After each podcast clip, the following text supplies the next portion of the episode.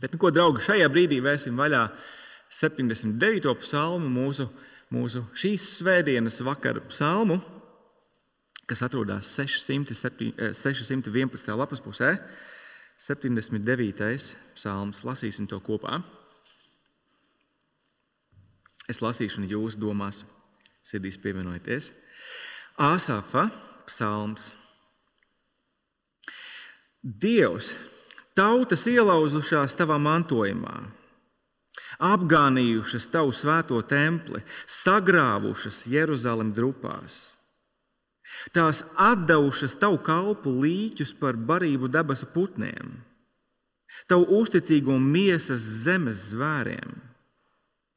Tās izlējušas viņu asinis kā ūdeni visapkārt Jeruzalemē, un nav, kas tos apbedīja. Par apsmieklu esam kļuvuši kaimiņiem, par ārmu un nievekli tiem, kas ap mums. Cik ilgi, kungs, vai mūžam tu dusmosies, vai degs kā uguns tavs naids? Lai savas dusmas uz tautām, kas nepazīst tevi, un pār valstīm, kas nepiesauc tavu vārdu, kas jēkabu aprijušas un viņa mitekli izpostījušas, nepiemini mūsu senos pārkāpumus. Ātrāk, lai steidz mums pretī tava žēlsirdība, jo mēs gauži pagalām. Palīdzi mums, mūsu glābējs Dievs. Tava vārda godības dēļ atpestī mūsu un apklāj mums grēkus tava vārda dēļ. Kādēļ? Lai tautas saka, kur viņa dievs? Lai tautas to piedzīvo mūsu acu priekšā, kā atrieptas tavu kalpu asinis. Lai sasniedz tevi gūstekņu vaidi, dižens tavs alkonis, neatdod nāvei lemtos, septiņkārt atsvied mūsu kaimiņiem krūtīs viņu ņirgas, kā tie ņirdza pret tevi, kungs. Tad Mēs, tava tauta, tev ganībā viss, tev pateiksimies mūžam. Auģu audzēs, slavēsim tevi. Tas ir kunga vārds. Un pirms mēs to pārdomājam, ļauj tas vadīs mūsu īsā lūkšanā.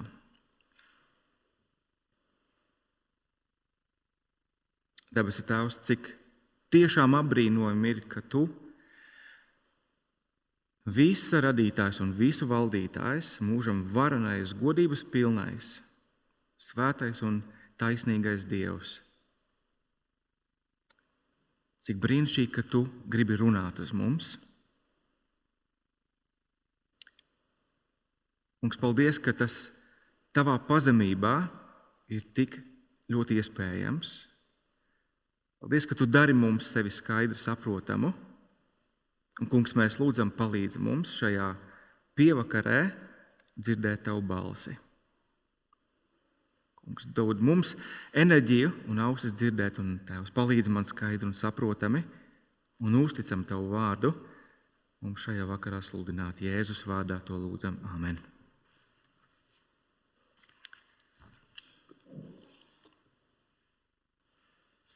Ļaujiet man iesākt ar jautājumu, par ko mēs, domāju, ik pa laikam domājam, dzīvojot šajā pasaulē, šis jautājums ir, cik viegli ir būt par kristieti. Cik viegli tev ir būt par kristieti? Es domāju, ja tu esi kristietis ar vairāku gadu pieredzi, atbildi uz šo jautājumu ir, ir vienkārši grūti. Par kristieti būt ir grūti. Kāpēc? Jo būt par kristieti nozīmē būt kaut kādā ziņā pastāvīgā konfliktā konfliktā ar šīs pasaules vērtībām, konfliktā ar, ar savas vecās dabas, miesīgās dabas vilkmēm. Un, protams, konfliktā ar sātanu, kurš kā rūcoša lauva staigā apkārt un meklē, ko viņš varētu saplosīt. Mēs, kristieši, labi zinām, pareizi, no kurienes mēs esam izrauti.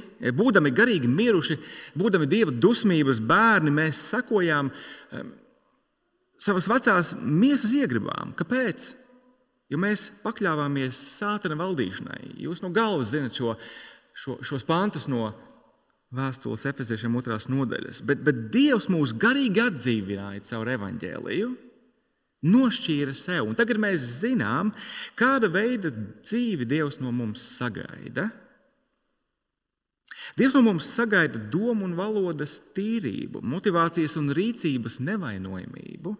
Viņš sagaida no mums, ka mēs nedzinamies pēc bagātības, statusa un novērtējuma, ko pasaule piedāvā mums tūlīt, šeit un tagad. Un mēs zinām, ka, ka Dievs sagaida no mums, ka mēs dienišķi cīnāmies. Cīnāmies pret sātana uzbrukumiem, kurus viņš šauj uz mums, ķildu, dusmu, nevienprātības, atriebības un citu ugunīgo bultu veidā. Un šāda trejāda cīņa, draugi, viņa ir reāla, un mēs to zinām pareizi. Šī cīņa ir grūta, un nereti šī cīņa ir pazemojoša. Mēs bieži jūtamies atstāti, mēs jūtamies vieni šajās cīņās ar pasaules vērtībām, ar savu mīsīgo dabu un ar sātanu. Un ir brīži, kur mēs šajās cīņās saucam, mēs saucam uz Dievu, cik ilgi, kungs. Un to pašu mēs varam teikt par Kristus draugu. Īstenībā Kristus draudzene tik bieži ir pazemota šajā laikā, kā tas ir katrā gadsimtā. Draudz arī mūsdienās vaino naidā pret cilvēci, naidā pret cilvēku un visas sabiedrības uzplaukumu. Tikai padomājiet brīdi, draudzene atbalsta vardarbību pret sievietēm, jo, jo draudzene iestājas pret Stambulas konvencijas ratifikāciju. Draudzene ienīst LGBT plus kopienu, jo iestājas par partnerattiecību likuma pieņemšanu. Un tā tālāk, un tā joprojām. Draudzene mūsdienās ir pazemota, tā ir apspiesta, tā ir kā ēnas, tā ir kā nieveklis šajā pasaulē. Un tādi ir tie, kas pieder draudzēji. Citās pasaules daļās draudzene tiek nežēlīgi vajāta. Jā, joprojām mūsdienās Kristiešu mājas ir nodedzinātas, ģimenes ir sarautas un izpostītas, dzīvības ir zaudētas. Un draudzes sauc arī šajā laikā, cik ilgi, kungs? Kāpēc ļaunums plaukst un zeļ, kamēr tavi uzticamie kalpi cieš? Cik ilgi, kungs? Un, un, draugi, ja jūs spējat asociēties ar konfliktu, ar, ar individuālo personisko konfliktu un ar, ar cīņām, kurus mēs kā kristieši piedzīvojam kopīgi, draudzē, jums, jums nebūs grūti just līdzi šim psalmam, kuru mēs pirms brīža nolasījām. 79. psalms ir sauciens pēc dieva iejaukšanās situācijā, kurā šķietami triumfē ļaunums. Un tas gan nav izmisuma un šaubu pilns sauciens, bet gan ticības un paļāvības pilns sauciens. Dievs iejaucies. Šajā psalmā īstenībā ir divējāda spriedze, varētu pat teikt, paradoks. Pirmkārt, mēs redzam, ka to, ka liela valsts sagrauj mazu tautu, bet tas kaut kādā ziņā nemaz nav unikāli. Mēs redzam, kā lielas valstis sagrauj mazas tautas joprojām arī mūsdienās. Bet uzsvars šeit ir uz cilvēkiem, kas piedzīvo ļaunumu. Ieskatieties kopā ar mani otrajā pantā, tie ir dieva kalpi, kas piedzīvo ļaunumu. Un kas ir cilvēki, kas vairo ļaunumu, ielūkoties ātri sastajā pantā, tie ir cilvēki, kas nepazīst Dievu, kas nepiesauc Dieva vārdu. Un tad nu, paradoks ir šāds, ka Dieva ļaudīm acīm redzami šeit klājas ļoti, ļoti slikti bet dieva ļaužu apspiedējiem, kas vairo ļaunumu un netaisnību, klājas labi. Kā tas nākas? Un, un otrā spriedze, paradoks ir tajā, ka ja dieva ļaudis nekrīt izmisumā, viņi no vienas puses atzīst, ieskatieties 11. pantā mani kopā, Dievs ir varants, viņš ir spēcīgs, viņa elkonis ir dižants. Bet piektais pants. Kāpēc Dievs vilcinās demonstrēt savu spēku? Cik ilgi? Kāpēc Dievs netiesā ļaunuma darītājus? Kur ir taisnība? Kāpēc Dievs neglābj savus ļaudis? Kur ir žēlastība? Cik ilgi, kungs? Un jāsaka, draugi, ka šī psalma ietvaros šī spriedze, šis paradoks, viņš šķietami neatrisinās. Mums ir problēma, un mums ir, mums ir, ir kā risinājums, sauciens uz Dievu pēc viņa iejaukšanās, pēc viņa taisnības, pēc viņa tiesas, pēc viņa glābšanas. Bet, bet kā tas tiek atbildēts? Kaut, kā ziņā, kaut kādā ziņā mēs šī psalma ietvaros paliekam bez risinājuma. Es ceru, ka mēs nepaliksim bez risinājuma kopumā. Draugi, mūsu psalms izgaismo to, cik baisas ir šīs pasaules tumšās vietas. Un tajās mītošais ļaunums, un, un kā tas spēj īstenībā ļoti bieži salauzt pat tos, kas paļaujas uz Dievu. Un tieši šāda ainava paveras mums pirmajos četros pantos. Mūsu problēmā Lasīsim no 1 līdz 4 pantam. Vēlreiz. Dievs tautas ielauzušās tavā mantojumā, apgānījušas tavu svēto templi, sagraušas Jeruzalem drupās. Tās atdevušas tavu kalpu līķus par barību debesu putniem, tavu uzticīgo miesas zemes zvēriem. Tās izlējušas viņu asinis kā ūdeni visapkārt Jeruzalemē, un nav kas abedī. Par apsmieklu esam kļuvuši kaimiņiem, par ērmu un nievekli tiem, kas ap mums.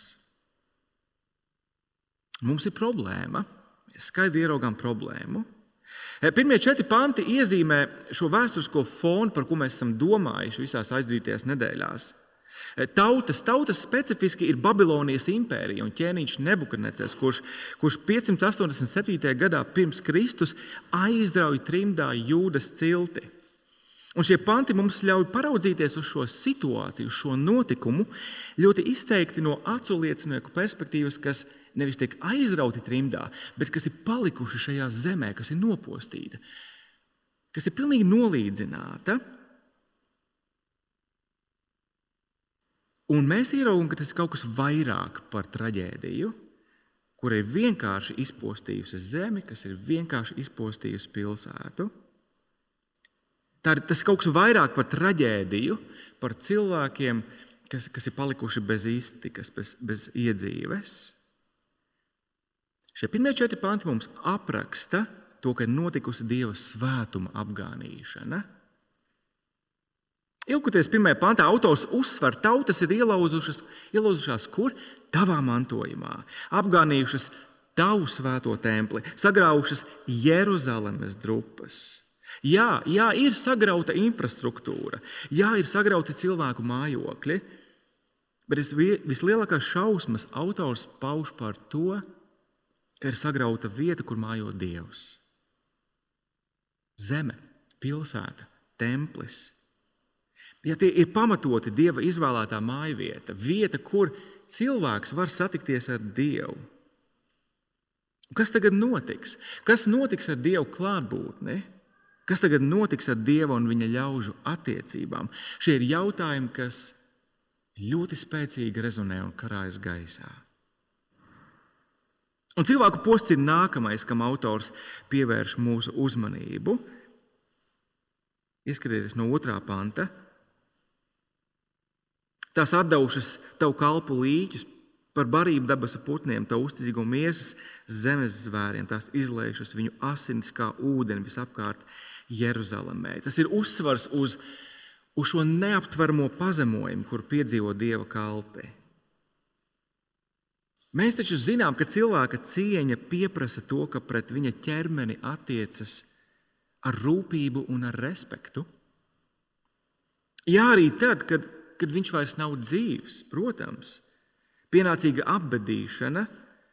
Tā tāpēc pilda vairākas funkcijas. Tā pauž cilvēka, cilvēku kopīgo vienotību un vienošanos par to, ka individam ir vērtība, ka viņa ķermenim ir vērtība, ka pret to ir jāizturās tā. Un vēl cilvēka apbedīšana īstenībā dāvā viņa tuviniekiem šo iespēju rast savām sērām noslēgumu. Jā, ne tūlītēju, bet tā kopumā dod noslēgumu. Bet, draugi, psalmā notiek kaut kas pilnīgi pretējais. Dieva uzticīgo kalpu ķermeņi ir apgānīti, tie ir atdoti putniem, plēsīgu zvēru barībai. Viņu asins tiek izlietas kā ūdens, nav kas tos apbedī. Tā, tā ir neaptverama, tā ir šokējoša ainava. Es domāju, ka mūsu paudzē pat ir grūti sākt domāt par to eh, kaut kādos saprotamos tādos terminos. Bet es domāju, ka mūsu vecāku paudze kaut ko no šī ir piedzīvojusi. Es nezinu, kādas ir katrā no jūsu ģimenēm, bet es domāju par savējo. Es domāju, jā, mani vecāki saprastu, par ko ir runa.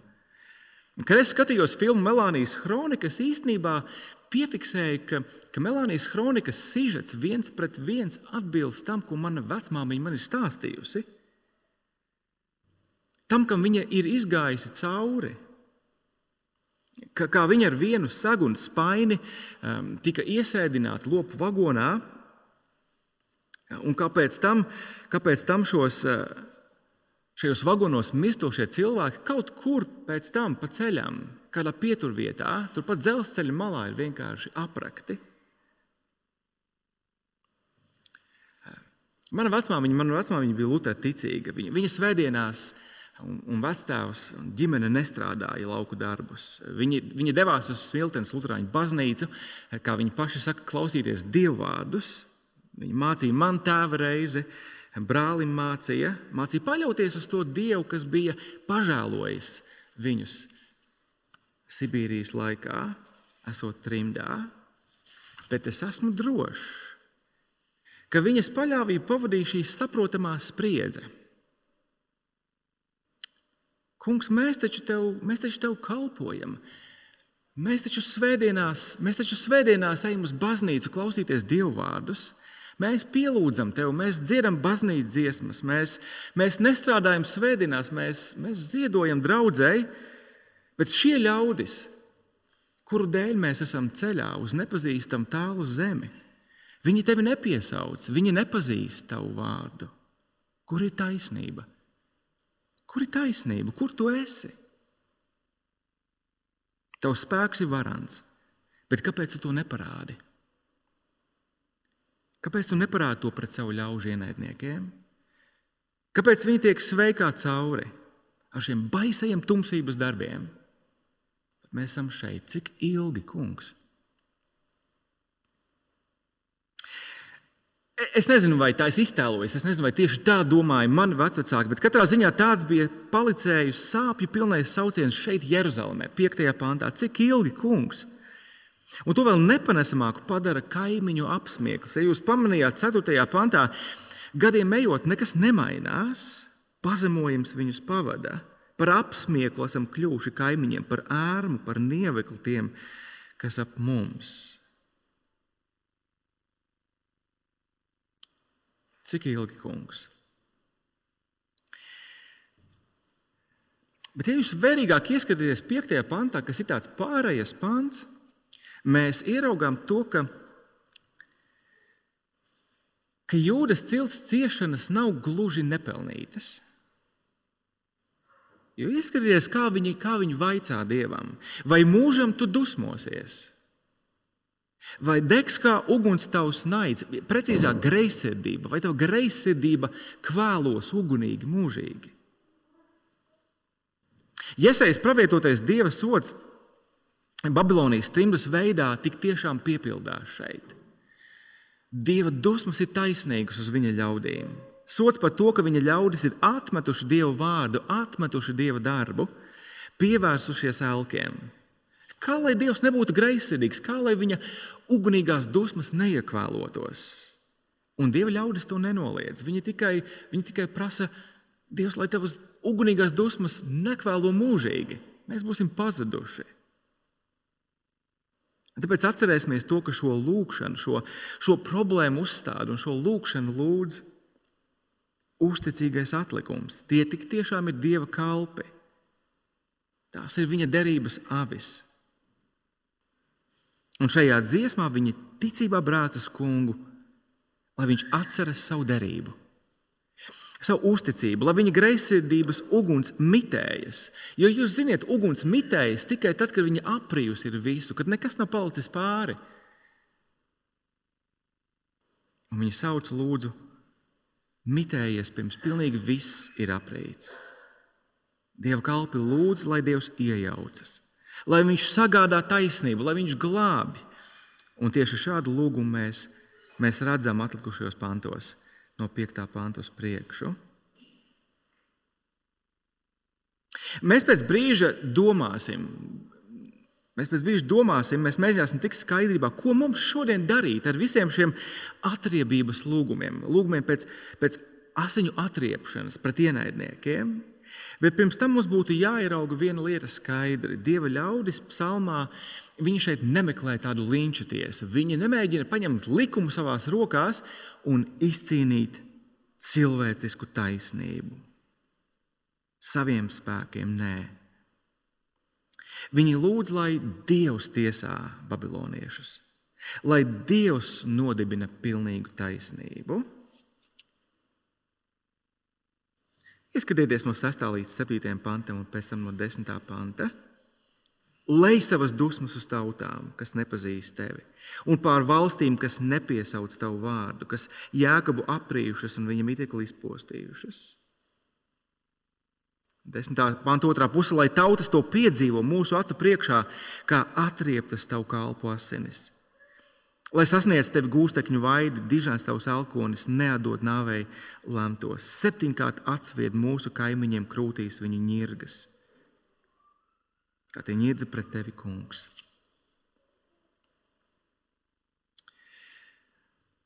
Un mēs kaut kādā ziņā varam saprast šo lūgumu pēc tiesas un taisnības, lai Dievs pagādā tiesu un taisnību. Pareizi, galu galā babilonieši ielauzās dieva mantojumā, aprija jēkabu, izpostīja viņa mitekli, izlēja uzticīgo kalpu asinis. Un dieva ļaudis tagad lūdz, lai dieva pāri plūstošās dusmas veļas pār viņa ļaužu ienaidniekiem. Nevis vienkārši pilkāk, kā, kā lietum, lietum eh, beidzoties, vienkārši pilno eh, no notikt caurulēm ūdens. Nē, lai tās ir dusmas, kā, kas pārauj dambi, kas vienkārši veļās pāri, kas apklāj pilnīgi visu. Pēc šādas dieva rīcības lūdz viņa kalpi. Un tas ir pamatoti. Ceturtais pāns. Viņi, viņi visi Visi kaimiņi apsmē viņus, nievāja viņus. Un tagad Dieva ļaudis lūdz pēc pilnīgas tiesas, 12. pāns, septiņkārt atsvied mūsu kaimiņiem krūtīs viņa ņirgas. Ko viņi ņirds par taviem uzticīgajiem kalpiem. Izņemot to, ka 12. pāns tā nebeidzas. Pareizi izskatieties vēlreiz 12. pantā. Septiņkārt atsvied mūsu kaimiņiem krūtīs ņirgas kā tie ņirds par tevi, kungs. Dieva ļaudis lūdz, lai Dievs rīkojas taisnīgi un tiesā savus ienaidniekus, jo galu galā viņa vārds tiek apkaunots. Draugi, redziet, šī saikne ir nepārprotama. Izsmējot un nievājot dieva kalpus, babilonieši ir izsmējuši un tie ir nievājuši pašu dievu.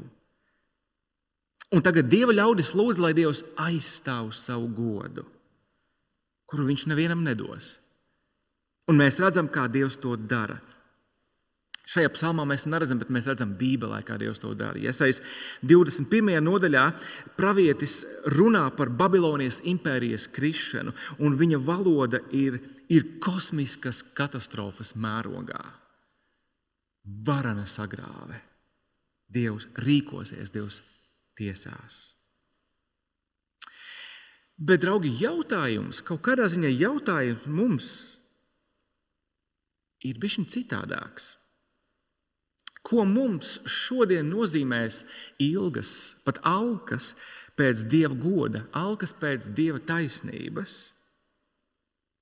Vai arī mēs, dieva jaunās derības ļaudis, varam saukt uz dievu pēc asiņainas atriebības? Visiem tiem, kas netaisnīgi izturās pret kristiešiem, draugi, kas vajā draugi šodien. Vēlreiz es, protams, nezinu savas eh, Sibīrijas piedzīvošās vecmāmiņas lūgšanas. Es, es arī nezinu sava divas eh, gulāga nometnes piedzīvojušā vectētiņa lūgšanas. Bet es neatminos, ka es jebkad būtu dzirdējis viņus skaļi kaut kādā veidā lāsta vārdiem izsakāmies pret naidīgo pretvaru. Vai viņi alka pēc taisnības, vai viņi alka pēc tiesas? Es domāju, ka jā, protams, ka viņi alka. Vai viņi sagaidīja, ka pilnīgā taisnība notiks šīs zemes dzīves laikā? Es nezinu, bet es šaubos. Es šaubos, ka viņi to reāli sagaidīja. Un, draugi, es domāju, ka mūsdienu karsgalvīgā, mūsdienu nepacietīgā, izteikti sociālo tīklu paudze varētu ļoti daudz ko mācīties no mūsu vecvecāku, īpaši ticīgo vecvecāku paudzes. Jā, tostarp arī daudzi kristieši varētu mācīties. Tā ir tā vietā, lai brāktu līdzi pasaulē, nav taisnības, nav miera. Kristiešiem ir jā, jāuzvedas citādāk, piedzīvojot netaisnību. Ne mums nav jālūdz Dievam pēc uguns no debesīm, pret tiem, kas mums nepiekrīt, vai kas noraida Jēzus Kristus evaņģēliju. Un, draugi, es negribu trivializēt, es negribu trivializēt šo jautājumu līdz, līdz konfliktiem un, un domstarpībām sociālajos tīklos.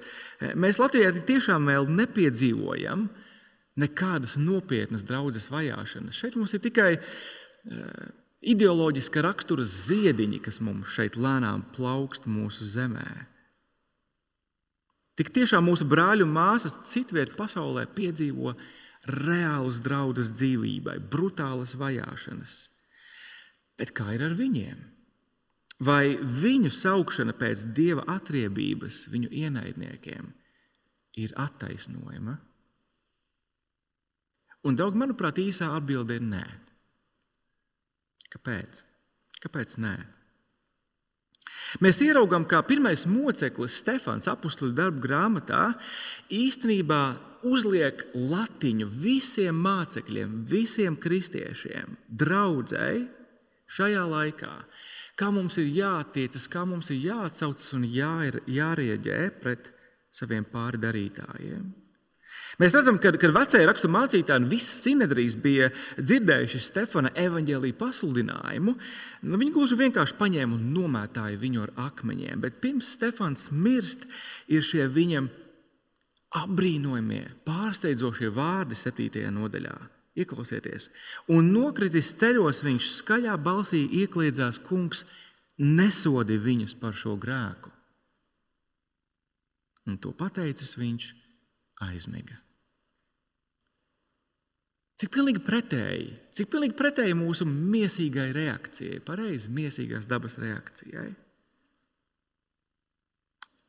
Tur Dieva tūlītējā tiesa nav risinājums. Kāpēc? Jo Dievs dara jaunu darbu. Stefans zināja, redzēja, saprata, ka Dievs dara jaunu darbu.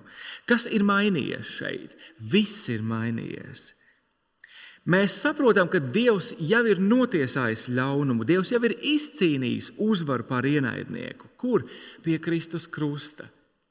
Pareizi mēs otrajā vēstulē, kolosiešiem otrajā nodaļā par to domājām. Mēs, mēs Jāņa evanģēlijā lasām, Jēzus saka, ka šīs pasaules valdnieks Sātans jau ir saņēmis savu notiesājošo spriedumu. Un tāpēc viņa kalpi, viņa mācekļi nesauc uguni no debesīm. Viņi paļāvīgi sauc pēc kunga žēlastības saviem ienaidniekiem. Jo viņi zina, ka pilnīga taisnība, pilnīga tiesa būs tad, kad viņu kungs nāks otro reizi. Pāvils to tik precīzi pasaka vēstulē Thessaloniķiešiem. Ja jums ir ātri pirksti, varat atšķirt otro vēstuli Thessaloniķiešiem, pirmo nodaļu un, un palasīt ar mani kopā 5 līdz 9 pantu. Lūk, Pāvila vārdi. Tas skaidri rāda, ka Dievs spriež taisnu tiesu. Dievs ir atzinis jūs par viņa valstības cienīgiem tās dēļ jūs arī ciešat.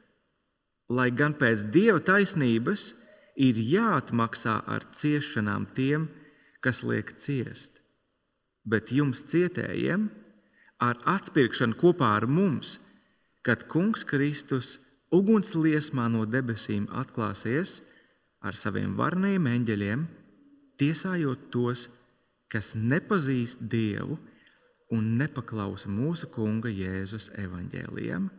Viņi visi saņems sodu, mūžīgo pazušanu, tiks šķirti no Kunga un viņa varenās godības. Jūs dzirdējāt, nav, nav nepareizi domāt par, par atmaksu cietējiem, par taisnību netaisnības saņēmējiem. Bet vienlaikus Pāvils saka, tas notiks tad, kad Kungs Kristus atgriezīsies. Visi saņems sodu, visi ļauna darītāji, neviens neizbēgs.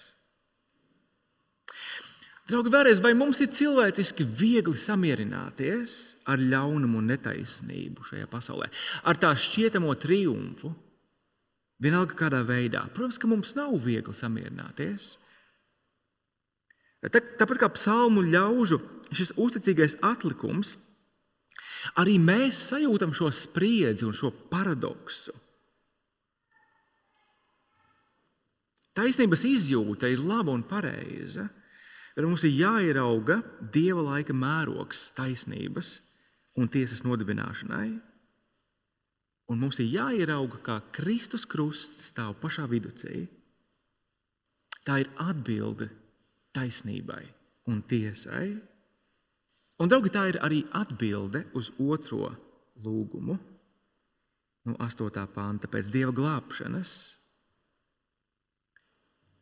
Gan uzticīgajiem tur toreiz, gan arī mums šodien, ieskatieties 8. pantā, nepiemini mums senos pārkāpumus, ātrāk, lai steidz mums pretī tava žēlsirdība, jo mēs gauži pagalām. Palīdzi mums, mūsu glābējs Dievs, tava vārda godības dēļ, atpestī mūs un apklāj mums grēkus, tava vārda dēļ. Kādēļ, lai tautas saka, kur viņu Dievs?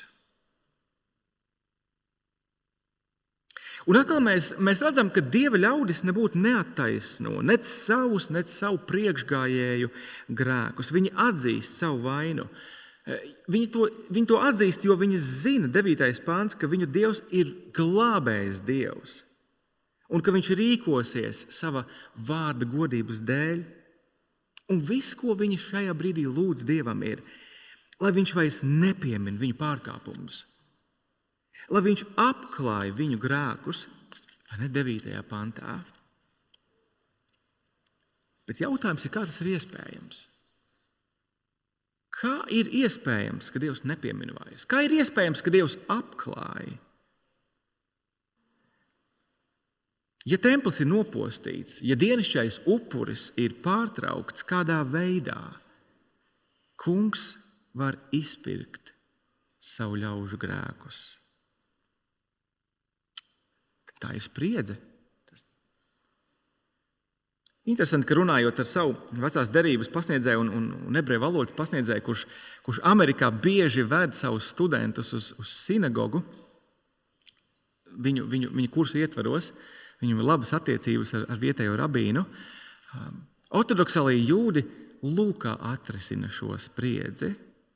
Mans pasniedzējs saka, ka uz, uz jautājumu, kā jūs tagad varat būt vispār pareizās attiecībās ar Dievu?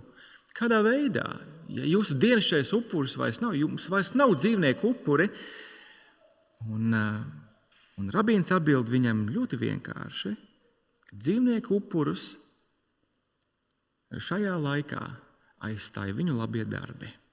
Lūk, kā viņi ir pareizās attiecībās ar Dievu, caur viņu labajiem darbiem. Bet, bet draugi, Tā nevar būt patiesība, pareizi. Zinot, kādi ir tie mūsu labie darbi, bieži vien, cik viņu ir, kā lai mēs ar savu darbu palīdzību varam būt pareizās attiecībās ar svēto, taisnīgo Dievu. Mēs, mēs draugi, zinām pareizi, ka, ka šodien vienīgais, vienīgais risinājums grāka izpirkuma problēmai tik tiešām ir Kristus krusta samaksa. Vienīgi Dievs pats var apklāt grēkus, vienīgi Dievs pats var sagādāt izpirkumu. Un viņš to izdarīja vienreiz un par visām reizēm. Ieklausieties vēstules Titam vārdos, trešajā nodaļā. kas apgāž pirmo apgalvojumu un apstiprina otro apgalvojumu. Ieklausieties, bet kad atklājās mūsu glābēja Dieva dāsnums un mīlestība uz cilvēkiem, tas notika nevis taisnības darbu dēļ, ko mēs darījām, bet Dievs savā apžēlošanā mūs izglāba ar atzimšanas mazgāšanu un atjaunošanos svētajā garā, ko Viņš bagātīgi pār mums izlaica ar mūsu glābēju Jēzu Kristu. Lai Viņa žēlastībā mēs tiktu attaisnoti un kļūtu mūžīgās dzīvības mantinieki, uz ko esam cerējuši. Kādā veidā kungs var apklāt savu ļaužu grēkus, kādā veidā viņš tos var izpirkt? Tikai un vienīgi pilnīgu upuri, ar pilnīgu samaksu. Un tā ir Kristūna. Draugi, es arī domāju, ka šeit ir atrodama tā lielākā atšķirība starp dieva ļaudīm toreiz, toreiz tur paliekot izpostītajā, sagrautajā Jeruzalemē un dieva ļaudīm šodien. Un šī atšķirība ir skaidrāka, pilnīgāka žēlastības izpratne. Kristietis apzinās, ka, ka Dieva taisnība viņa dzīvē ir izpaudusies nevis kā notiesājošs un pazudinošs spriedums, bet gan kā attaisnojošs un dzīvību dodošs spriedums. Žēlastība ir vienīgais veids, kā nesalūst šajā laikā zem ļaunumu un netaisnības nastas. Žēlastība ir vienīgais veids, kā, kā nenovērst. Uh, uh, vai kā novērst šādu salūšanu mūsu līdzcilvēku vidū. Vienīgais veids ir žēlastība. Kā? Man liekas, ka mūsu domu gainam jābūt ļoti vienkāršam. Ja jau Dievs tādu žēlastību parādīs mums, man, kāpēc lai Viņš vēl šajā laikā neparādītu tādu pašu žēlastību citiem, kas viņu nepazīst? Citiem, kas nepiesauc viņa vārdu, citiem, kas rīkojas netaisnīgi, citiem, kas dara ļaunu. Manuprāt, ka kristieši satver evaņģēliju tad viņi savādāk lasa šī psalma vārdus. Viņi ierauga šo spriedzi, bet viņi saprot, ka tik tiešām atbilde ir Kristū. Atbilde ir Kristus taisnībā, atbilde ir Kristus tiesā un viņa glābšanā.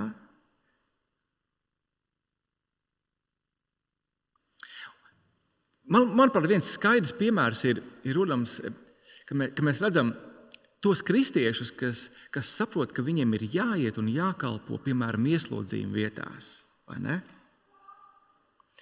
Viņi ir sapratuši, ka jā, lai arī cilvēki, kas atrodas ieslodzījumā, viņi kaut kādā ziņā ir saņēmuši taisnīgu spriedumu. Viņi taisnīgi izcieš sodu par to, ko viņi ir darījuši. Bet tā kā lielais un īstais dieva sots, lielā taisnība vēl gaida, kad Kristus atgriezīsies. Šis ir žēlastības laiks, un arī viņiem ir jādzird evaņģēlijas. Arī viņiem ir iespēja atgriezties. Un, draugi, tas nav nemaz tik vienkārši.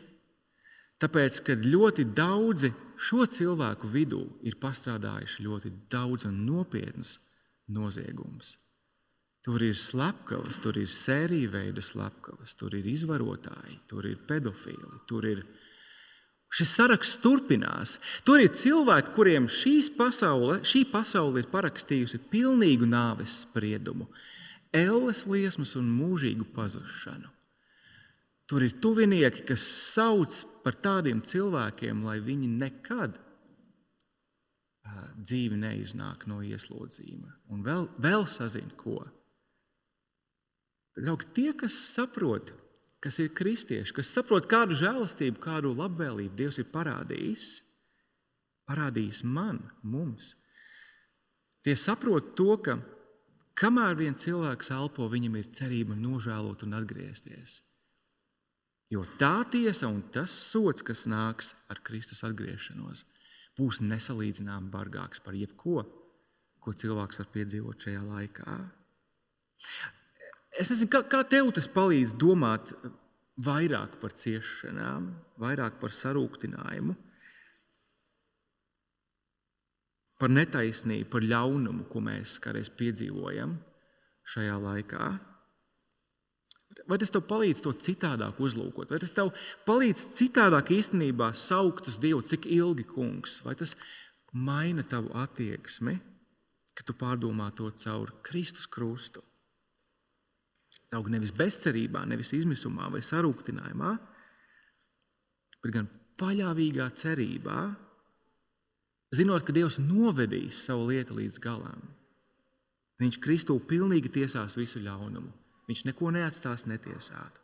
Bet, draugi, viņš Kristū arī pilnīgi glābs visus tos, kas ir viņa ļaudis, kas tveras pie viņa. Un tāpēc mēs varam kopīgi ar vecās derības ticīgajiem lasīt šos vārdus, ieskatieties 13. pantā.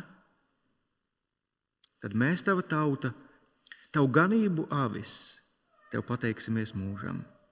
Audzēs, mēs slavēsim tevi. Lūksim!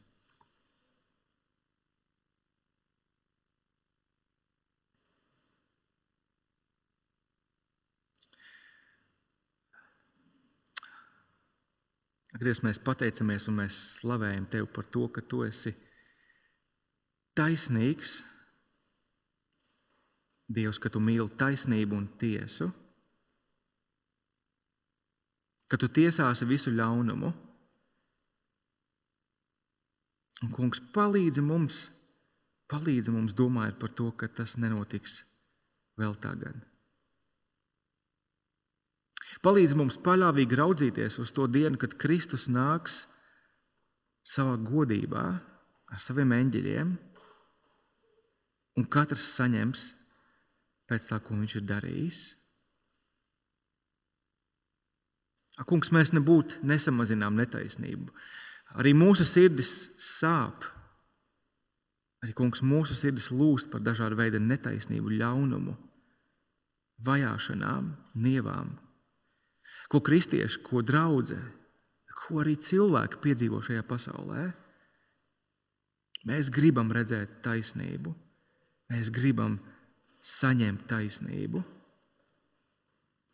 Ja, kungs, bet palīdz mums ieraudzīt to, ka pāri pavisam tu vēlies dāvāt taisnību pazudušajiem Kristū. Kungs, ar šādu Ar šādu skatījumu palīdz mums paļāvīgi Tēvs panest dažādu veidu netaisnību un ciešanu šajā laikā. Zinot, ka tik daudz brāļu un māsas visā pasaulē piedzīvo to, Kungs stiprina savu draugu paļāvībā uz Tevi. Amen!